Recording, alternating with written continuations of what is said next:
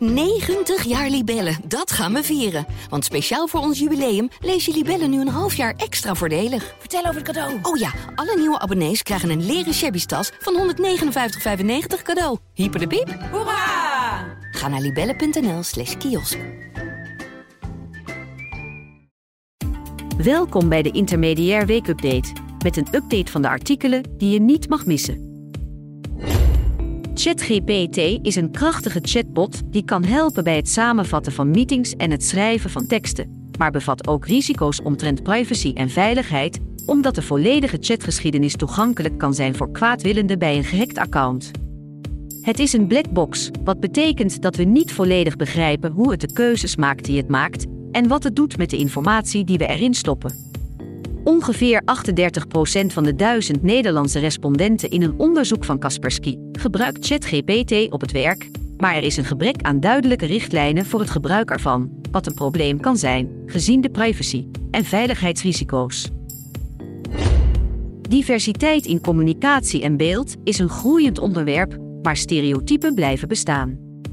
Onderzoek toont vooruitgang in representatie van minderheidsgroepen, maar beelden blijven vaak in stereotypen hangen. Vrouwen en mensen ouder dan 65 zijn nog steeds ondervertegenwoordigd. Evita Lammes, oprichter van Studio Samen, benadrukt het belang van gesprekken met de doelgroep en het vermijden van stereotypen. Ze deelt do's en don'ts voor inclusieve communicatie in beeld. Beeldvorming heeft een grote impact op zelfbeeld en gedrag. Het streven naar diversiteit is een doorlopend proces. Emma Lok keerde na zwangerschapsverlof terug en werd directeur-bestuurder van Women Incorporated.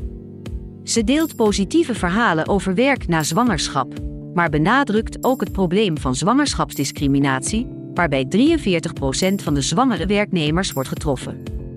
Velen herkennen het niet als discriminatie en melden het niet.